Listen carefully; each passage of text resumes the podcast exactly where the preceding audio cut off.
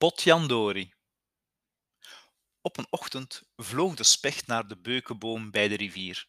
Hij klampte zich vast aan de stam, rolde even met zijn kop en begon toen met zijn snavel op het hout te kloppen. Maar al meteen riep een stem: Stop met op mij te kloppen, potjandori! De specht schrok en stopte direct. Hij keek rond. Dit zijn nu toch geen manieren? Zal ik ook eens op jou kloppen? De boom praatte. De boom praatte tegen hem. Uh, jij, jij, jij, jij kunt praten? zei de specht stom verbaasd. Ja, en? Jij toch ook? Maar ik, ik dacht dat bomen niet konden praten. Ja, wat de anderen kunnen, dat weet ik niet. Maar ik kan het wel. Dat is gek. Niet gekker dan een specht die kan praten, zei de stem. Maak nu dat u wegkomt, potjandori, en, en niet meer komen kloppen, hè? Oké, sorry, zei de specht en hij vloog weg.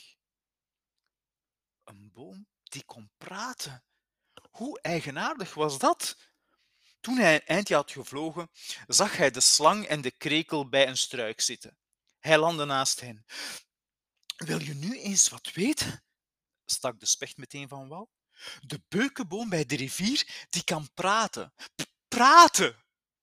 De slang en de krekel keken elkaar aan en barsten in lachen uit. maar echt waar? zei de specht. Een babbelende boom? gilde de slang, waarop er weer een lachsalve volgde. een babbelende boom. Maar kom dan mee, we kunnen met hem gaan praten sprak de specht.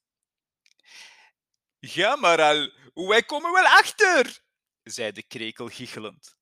De specht haalde zijn schouders op en vloog weg. Hij zag de eland wandelen, haalde hem in en vertelde wat hij had meegemaakt. De eland lachte zich rot. Dat is een goeie mop. Een boom die kan praten. Maar het is geen grap, ik ben serieus. Grapjas. De specht schudde het hoofd. Ook de leeuw, die wat verderop zat, geloofde er niets van. Maak dat de kat wijs. Je zult het vast gedroomd hebben. Of je hoort stemmen in je hoofd. Een tijdje later kwam de specht de houtworm tegen.